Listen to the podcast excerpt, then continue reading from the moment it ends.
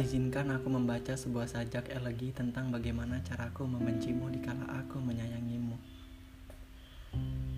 Aku tahu betul bahwa aksara dan suara yang pernah terlontar dari bibirku perihal aku sangat benci padamu adalah sebuah awal dari kata jarak.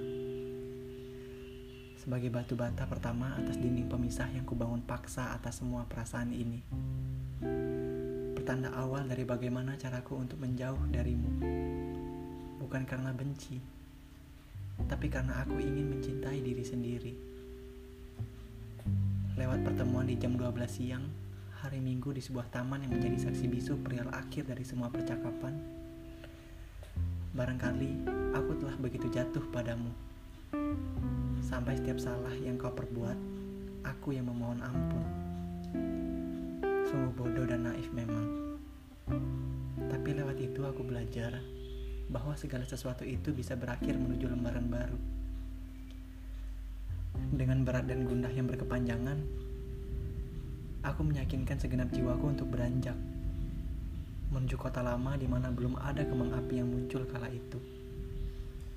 Menuju pulang kembali ke rumah lama yang usang, namun hangat perihal bagaimana rasanya nyaman menjalani hari.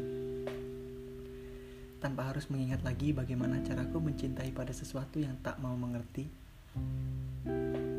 Izinkan aku untuk hilang tanpa jejak, tanpa secercah cahaya, tanpa setitik rasa penyesalan di depan mata. Izinkan aku untuk berpura-pura melangkah menjauhimu, dikala aku sesak tak tertahan. Aku memang memegang pergi, tapi kembali pun bukan hal yang kunikmati. Susah memang dengan segundah kalut kemelut perihal mencintai diri sendiri, atau tidak lagi sendiri tapi tersakiti.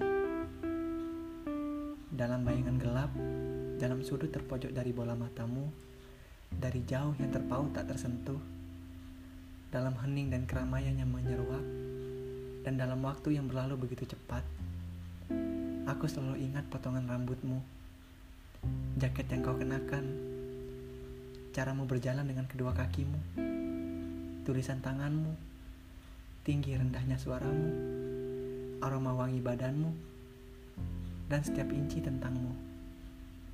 Aku pergi bukan karena benci maupun ingin, tapi perihal bagaimana caraku mengobati diri tanpa mengusik siapa pun.